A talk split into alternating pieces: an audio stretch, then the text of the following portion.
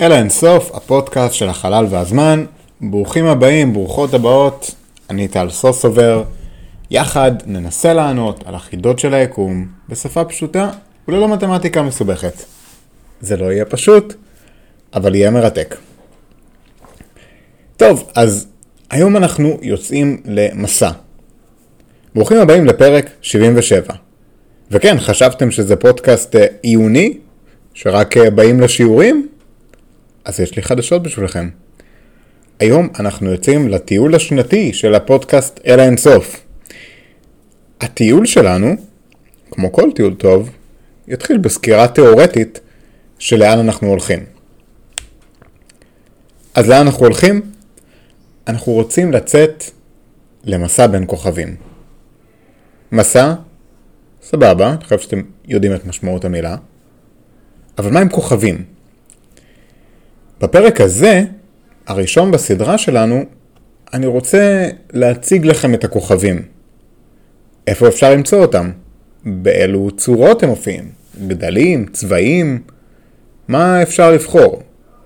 אחרי שנבין את זה, נחליט ביחד לאן בא לנו לטוס, איפה נרצה לבקר. אתם תבחרו אפילו. עכשיו, מנקודת המבט שלנו כאן, בכדור הארץ, הכוכבים די דומים. אפשר להגיד שכל הכוכבים הם נקודות מנצנצות המפוזרות על פני שמי הלילה שלנו. זה טיפה מורכב יותר מזה, אבל ככה זה נראה מכאן. אז קודם כל, אנחנו מסתכלים על הכוכבים, מסתכלים על שמי הלילה, חלק מהכוכבים פולטים הרבה אור, וחלק מעט. חלקם רחוקים, חלקם קרובים. חלקם אדומים, חלקם כחולים, חלקם לבנים. למה בעצם? אז עד כה דיברנו על כוכבים כבר בלא מעט מהפרקים שלנו. וחשוב מאוד להבדיל בין פלנטות, כמו כדור הארץ, ונוס, מאדים, שהם פשוט גושי חומר שמקיפים כוכב, לבין כוכב. בסוף היום, כוכבים הם גוש מסיבי של חומר, מסיבי מספיק בשביל שהלחץ בפנים יהיה כל כך חזק, שיהיה הליך של היתוך גרעיני בליבה שלהם. ההליך הזה משחרר אנרגיה, והאנרגיה הזו מוקרנת מהכוכב ליתר היקום.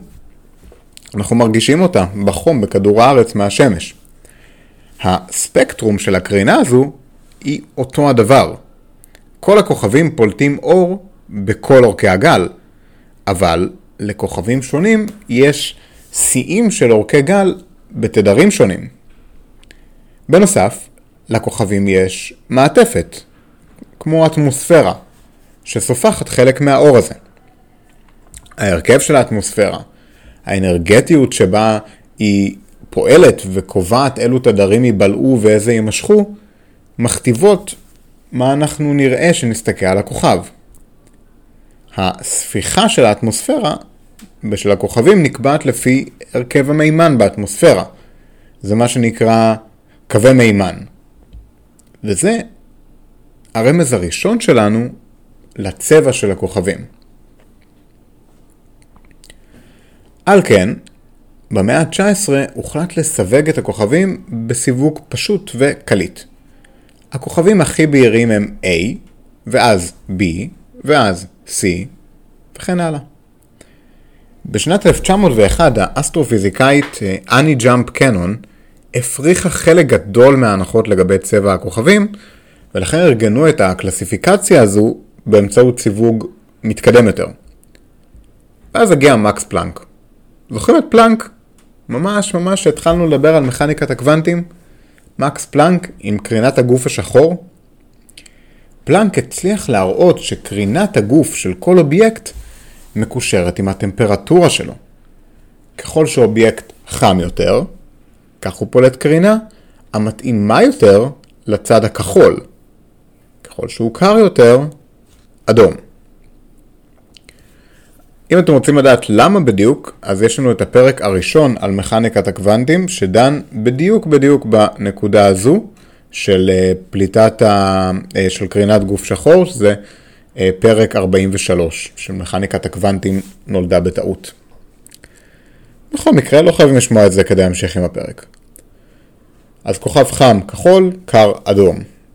עברו 20 שנה מפלנק, והאסטרונומית פשקין הצליחה להראות שהצבע של הכוכב הוא לא רק בגלל הטמפרטורה שלו, אלא גם בגלל ההרכב של החומר באטמוספירה. עכשיו, זה מה שאמרנו קודם על הקווי מימן, זו כבר הייתה המהפכה. השילוב של הקרינה והאטמוספירה נתן את המפתח להבנה של הכוכבים. וזה אפשר לאסטרונומים להבין לא רק את הטמפרטורה של הכוכבים, אלא גם את ההרכב שלהם. תראו, היום קל לנו להגיד מה ההרכב של הכוכבים, אבל זה לא היה ידוע בשנות ה-20 וה-30. חשבו אז שההרכב של הכוכבים הוא פלוס מינוס כמו ההרכב של כדור הארץ. כלומר, סלעי בעיקר, וכמו שסלע בכדור הארץ שהיא חמה היא פולטת אור, מגמה, אז גם הסלע של הכוכבים פולט אור. התצפיות של פשקין והחישובים שמקושרים לכך הראו תמונה אחרת לחלוטין. הם הראו שהכוכבים מורכבים כמעט לחלוטין אך ורק ממימן עם קצת הליום. על כן, בוצע סידור מחדש לכוכבים. הפעם לפי טמפרטורה. הסידור הזה לפי טמפרטורה הוא הסידור שאנחנו עדיין משתמשים בו עד היום לקטלוג של כוכבים. והסיווג הזה הוא על הפנים. מי שמסתכל עליו מהצד נראה שהוא חסר היגיון לחלוטין. וכן, הוא חסר היגיון לחלוטין. זו התוצאה של עבודה של טלאי על טלאי במשך מעל 100 שנים. ככה או ככה, כל כוכב מקבל אות מהכוכבים החמים ביותר, O, עד לקרים ביותר. יש לנו O ואז B, A, F, G, K, M. השיטה לזכור את זה? הו, be a fine girl, kiss me. או, הו, be a fine guy, kiss me. קצת אה, שוביניסטי, אולי לא הכי בטעם בעולם, אבל זה מאפשר לזכור את הסדר של האותיות שהן לכאורה אקראיות, O, B, A, F, G, K, M. ומי שהציע את הרעיון הזה היא אני ג'אמפ קנון בעצמה. אז אם היא הציעה את זה, וזה כל כך קליט, בואו נשתמש בזה. לפחות אם יש לכם איזה בחינה מוזרה על הרכב הכוכבים בקרוב, תוכלו להשתמש בקטלוג הזה.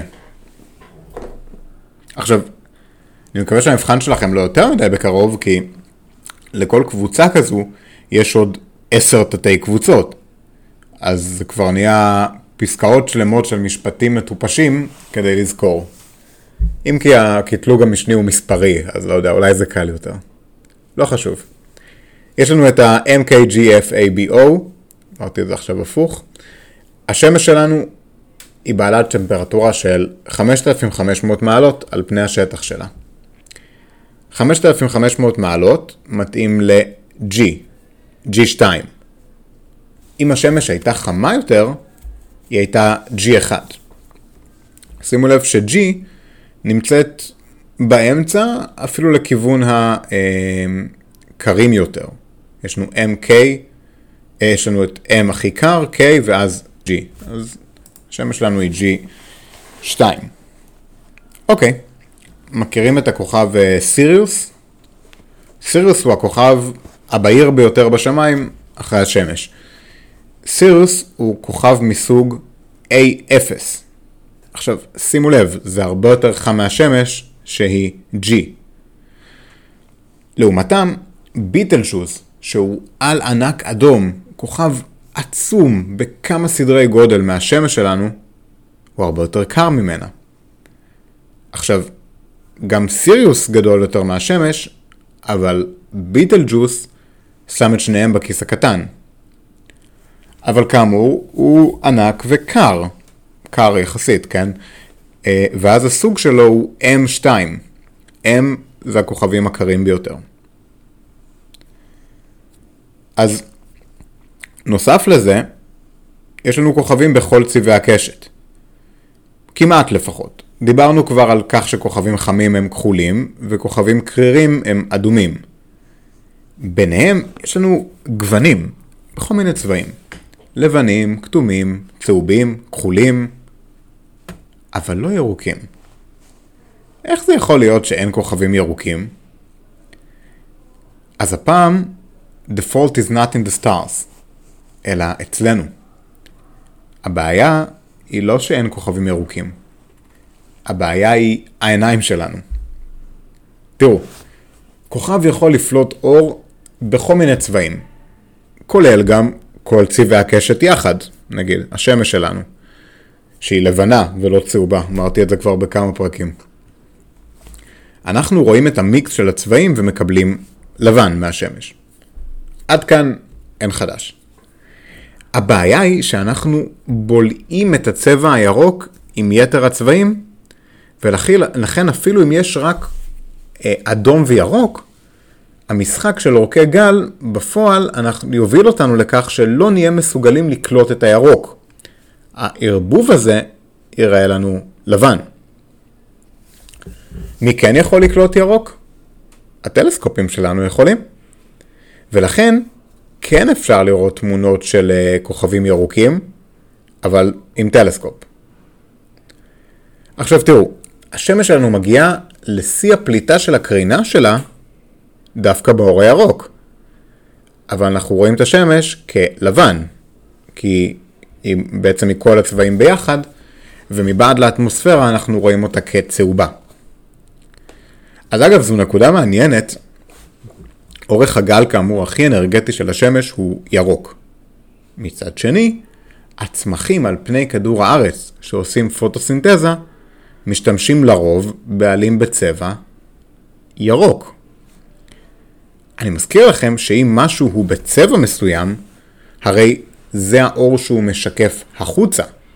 כלומר, העלים שעושים פוטוסינתזה קולטים את כל גווני הקשת, למעט ירוק. וזה מפתיע. היינו מצפים שהם יהיו הכל חוץ מירוקים. אנטי ירוקים, שזה צהובים.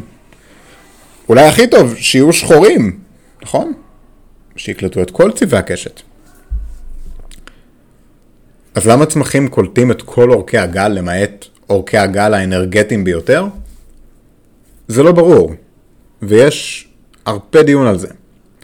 הטענות נעות בין מחשבות על כך שפעם הצמחים היו דווקא בצבע אדום כהה, אבל בגלל חסימות של אור השמש, היה דווקא יתרון לקלוט אורגי גל חלשים שכן הצליחו לעבור, ולכן הצמחים הירוקים הצליחו לשרוד אבולוציונית. השערות מד... אחרות מדברות על קושי בקליטת אנרגיה ירוקה ישירה, שכן היא עוצמתית. אבל אין טענה אחת ברורה בצורה חד משמעית, וזה נושא שנמצא במחקר בתחום הביולוגיה.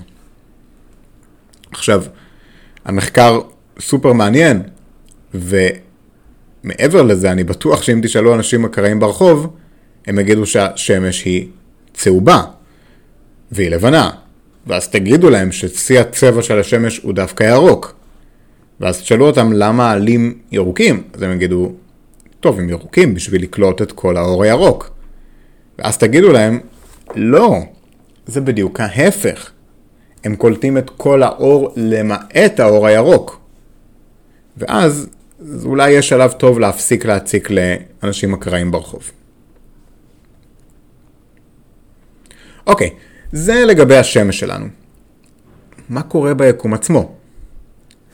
אז קודם כל, אנחנו רואים כמעט אך ורק כוכבים מתוך שביל החלב. שימו לב, יש טריליוני גלקסיות ביקום, אבל בשביל החלב יש כל כך הרבה כוכבים, שזה די מה שאנחנו רואים. יתר הגלקסיות מאוד רחוקות, אפילו הקרובות ביותר. כמעט כל המיפוי של הכוכבים מבוסס על כוכבים משביל החלב. אוקיי, כוכבים נוצרים מתוך קריסה של ענן מולקולרי ענק של אבק וגז ועוד כל מיני חלקיקים. העננים האלו נוטים לקרוס לכוכבים שמכילים כ-70% מימן ו-28% הליום, ועוד 2% זה כאמור יסודות כבדים. הקריסה הזו קורית בגלל כוח הכבידה. החומרים באמצע הענן נדבקים אחד לשני, הכבידה שלהם עולה, מושכים עוד חומר, וכן הלאה. הכל קורה תוך כדי סיבוב. בשלב מסוים אנחנו מגיעים לצפיפות המספקת היתוך גרעיני. מזל טוב, כוכב נולד. יש לנו מספיק מסה על מנת לגרום לייצור אנרגיה בליבה. בעצם על ידי דחיסת ארבעה אטומי מימן לאטום אחד של הליום. הרגע הזה, בו ההיתוך הגרעיני מתחיל להפיק אנרגיה לכוכב, אנחנו מתייחסים לאובייקט הזה כאל כוכב. כוכבים אנחנו ממקמים בעקומה על דיאגרמה שנקראת דיאגרמת הרצ'פרונג ראסל. אני בטוח שאני טועה בכל השמות. בכל מקרה, הדיאגרמה הזו מסווגת הכוכבים בשני צירים. ציר X הוא הסיווג הספקטרלי, אותו הו, be a fine, whatever. בעצם הטמפרטורה של הכוכב. ככל שמתקדמים ימינה, ככה הטמפרטורה של הכוכב יורדת. ציר ה-Y מתאר את הבהירות של הכוכב. עכשיו תראו, איך, איך מתארים בהירות? השמש נגיד היא מאוד בהירה, אבל היא גם מאוד קרובה. אם היינו שמים את סיריוס במקומה, היה פה חם יותר ובהיר יותר. ככל שעולים בציר Y, בעצם בבהירות של הכוכב, אנחנו צריכים משקפי שמש גדולים יותר. העניין הוא לסדר את הכוכבים לפי בהירות מוחלטת, ולא לפי הבהירות שלהם מכדור הארץ. נניח שהיינו שמים את כולם במרחק שווה מאיתנו. מי היה הכי מסנוור אותנו? הוא מקבל דירוג גבוה יותר בציר Y. עכשיו, יש כאן עוד משהו די הגיוני.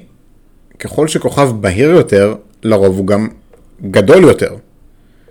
יש יוצאים מן הכלל, אבל זה הטרנד הכללי. אם יש לנו כוכב מאוד מאוד מאוד קטן, כמו ננס לבן, שנדבר עליו בפרק הבא, שהוא גם מאוד מאוד זוהר, הוא עדיין כל כך קטן, שאפילו אם נשים אותו במרחק של השמש מאיתנו, השמש תהיה הרבה יותר זוהרת ממנו. למרות שהוא חם ממנה בהרבה.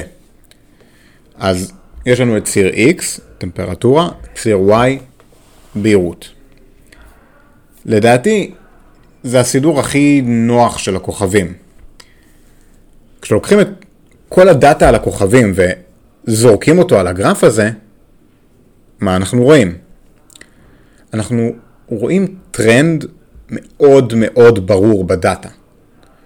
אולי הייתם מצפים שהכל יתפלג באופן אחיד, שנראה משהו אקראי, אבל זה לא, אה, זה לא המצב. אנחנו רואים שיש לנו כמה קבוצות מאוד ברורות ומאוד uh, מבודלות שאפשר להתייחס אליהן.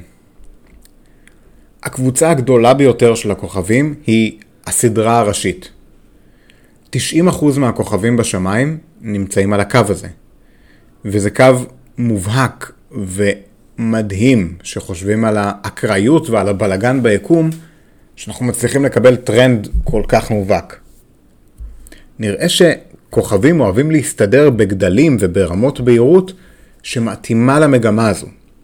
עכשיו, המגמה הזו היא כמו קו אלכסוני שחוצה את הגרף משמאל למעלה, הכוכבים הכי חמים והכי גדולים, ועד ימין למטה, הכוכבים הכי קרים והכי קטנים. השמש שלנו נמצאת אי שם באמצע האלכסון הזה, ומכאן שהיא גם באמצע המערכת. כל פעם שאמרו לכם שהשמש היא כוכב בינוני, אז לזה בדיוק התכוונו. מבחינת גודל, אנחנו רואים שככל שאנחנו נמצאים יותר שמאלה ולמעלה, כלומר כוכבים יותר חמים, יותר בהירים, ככה אנחנו מדברים בצורה לא מפתיעה גם על כוכבים גדולים יותר. ככל שאנחנו יורדים באלכסון, הכוכבים נהיים קטנים יותר, ובעצם חמים פחות גם. אז זה 90% מהכוכבים. איפה עוד 10% מהכוכבים? אז הם מחולקים לעוד ארבע קבוצות מבודלות יחסית שאפשר להתייחס אליהן. יש לנו את קבוצת הננסים הלבנים, אלה שאריות של כוכבים, בעצם ליבות של כוכבים, שהן לא מסיביות מספיק כדי להפך לחורים שחורים או כוכבי נייטרונים. ננס לבן נמצא בצד שמאל ולמטה, כלומר, חם מאוד, אבל לא בהיר במיוחד. זה די הגיוני כי הם ממש קטנים, חלקם קטנים יותר מכדור הארץ. אבל המסה שלהם יכולה להיות גדולה מהשמש. הדחיסות המטורפת הזו של ננס לבן היא חמה מאוד, ומאוד מאוד בהירה. אבל בגלל שהם כל כך קטנים, כמו שאמרנו קודם, אם נשים ננס לבן וכוכב רגיל במרחק שווה, הכוכב יהיה בהיר יותר. עכשיו, נכון שפר סנטימטר מרובע הננס הלבן בהיר יותר, אבל זה לא מה שאנחנו בודקים פה. אז יש להם קבוצה משלהם בגרף. הכי חמים, הכי קטנים. אוקיי, מה אנחנו רואים בלמעלה של הספקטרום? מהם הכוכבים הגדולים? אז כאן יש שתי קבוצות של כוכבים גדולים שהם לא בקבוצה הראשית. קבוצת הענקים וקבוצת העל-ענקים. ענקים נמצאים בשפיץ הימני עליון של הסקאלה. הם בדיוק ההפך מננסים לבנים. ננס לבן הוא קטן, דחוס ולוהט. ענקים הם גדולים, לא דחוסים יחסית, ויחסית קרים. על כן, הצבע שלהם הוא אדום. ביטלג'וס נמצא שם, יחד עם אנטרס, הם ענקים אדומים. הקבוצה האחרונה, על ענקים כחולים. היא נמצאת בצד שמאל למעלה. הם ענקיים, אפילו יותר גדולים מהענקים האדומים, אבל הם מאוד מאוד חמים. ריגל, לדוגמה, נמצא שם. עכשיו, באמת, אם תכתבו בגוגל ריגל, סאן, סיריוס, ביטלג'וס, תוכלו לראות את ההבדלים בקנה מידה. לעומת ריגל, השמש שלנו היא כמו גרגיר חול. על ענקים זה כוכבים עצומים. יכולים להיות פי כמה מאות או אלפי פעמים גדולים מהשמש. עכשיו, הם חמים, ענקיים, חיים את החיים שלהם במהירות, מייצרים המון המון אנרגיה, ומתפוצצים. בפרק הבא נדבר ספציפית על הכוכבים החריגים האלו, על העשרה אחוז ננסים וענקים. אני רוצה לדבר על האבולוציה של כוכבים ועל השרידים, על הננסים והענקים בכל מיני צבעים. אבל התעלמתי מהשאלה העיקרית, למה 90% מהכוכבים הם בסדרה הראשית? מה גורם לזה שבצורה כל כך מובהקת כוכבים בוחרים להתמקד בטרנד מסוים? אז האמת היא שהכוכבים נוצרים בצורה די אקראית ואחידה מבחינת הגודל שלהם. נכון שיש סטטיסטיקה מורכבת יותר ומדע יותר מסובך מאחורי זה, יש העדפה מסוימת לגדלים מסוימים, אבל בגדול, אין בעיה שיווצרו המון כוכבים גדולים והמון קטנים והמון בינוניים. אבל העניין הוא שככל שכוכב גדול יותר, יש לו כוח כבידה חזק יותר. ככל שכוח הכבידה חזק יותר, הכוכב דוחס חזק יותר את החומר שלו, מייצר יותר אנרגיה, ובעצם מאיץ את הסוף שלו. ככל שהם גדולים יותר וכבדים יותר, קצב שרפת הדלק מהיר יותר. הכוכבים המסיביים דוחסים את הליבה שלהם חזק. החומר מותח מהר, והם מתפוצצים מהר. זה מה שמסביר לנו את הסדרה הראשית. אנחנו רואים הרבה כוכבים בסדרה הראשית, פשוט כי הם שורדים יותר זמן. הכוכבים הגדולים והחמים יותר והבהירים יותר שורדים מעט זמן יחסית. הם ענקיים, הם ענקיים, נכון, אבל הם גם מתים מהר. אוקיי חברים, בואו נסכם את הפרק. אז היום בעצם היה לנו הפרק הראשון על המסע בין הכוכבים, והתחלנו מלסקור את עיקרי הכוכבים שיש לנו ב, אה, אה, ב, ביקום שלנו. ראינו שקודם כל, הכוכבים מקוטלגים לפי טמפרטורה, או be a fine girl kiss me, שזה לא נוח לזכור את האותיות, אלא אם משתמשים ב, אה, במשפט. ואחרי זה ראינו שהכוכבים האלו, יש להם טרנד מסוים, וש-90% מהכוכבים ביקום עוקבים אחרי הטרנד הזה של גודל הכוכבים. הסיבה לכך היא שפשוט כוכבים גדולים, שיכול להיות שנוצרים הרבה, גם מתים מאוד מהר. ורוב הכוכבים, כמו השמש שלנו, נמצאים על הטרנד המסוים הזה. בפרק הבא אנחנו נדבר ספציפית על uh, הכוכבים הכי קטנים והכי גדולים ביקום, וקצת ננסה להבין איך הם מתנהגים. אחרי זה יהיה לנו פרקים קצת על הקולות של הכוכבים, פרקים על מסעות אמיתיים לכוכבים, אשכרה איך אנחנו יוצאים למסע הזה, ועוד ועוד עובדות על הכוכבים. אז תרימו את הראש לשמיים, תראו איזה יופי, כמה כוכבים יש לנו, ותזכרו שכל מה שאתם רואים מכדור הארץ זה אפילו לא שבריר של פסיק, של אחוז, מתוך כל מה שיש, אפילו רק בשביל החלב. ונתעלם מכל יתר היקום. לפחות לכרגע.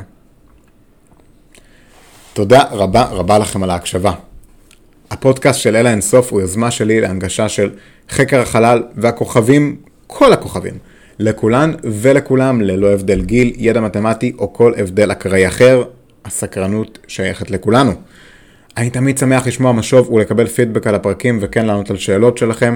אתם יכולים לראות בנוטס של הפרק פרטים ליצירת קשר איתי, לינק לעמוד הפייסבוק, כנסו, תעשו לנו לייק, ככה גם תוכלו לראות את כל הפרקים החדשים, איך שהם יוצאים. הפודקאסטים האלו זמינים עבורכם בכל אתרי הפודקאסטים, כולל זה שכרגע שמעתם אותי דרכו. הכי יעזור אם תיכנסו לאפל פודקאסט, ספוטיפיי ותנו לנו דירוג של חמישה כוכבים, זה ממש עוזר להגיע לקהלים חדשים. פרק כמו זה לוקח לי כמה עשרות שעות של עבודת מחקר, הכנה, הקלטה ועריכה, והפרקים האלו מוגשים לכם בחינם ומתוך מטרה אישית שלי להביא את חקר היקום עד לתעלות האוזניים שלכם. אז אם אהבתם את הפרק, שתפו אותו עם אנשים שהם הכוכבים שלכם, שהם הענקים האדומים או העל ענקים של החיים שלכם, או הננסים, או אנשים שהם בקבוצה הראשית. כל אדם הוא כוכב, וכל כוכב הוא גוש עצום של חומר רותח, שלא נראה לי שאכפת לו כל כך מכך שלבני אדם חושבים שהם כוכבים, או משהו כזה. אז עד הפעם הבאה, ושוב תודה רבה רבה לכם על ההקשבה שלכם, טל.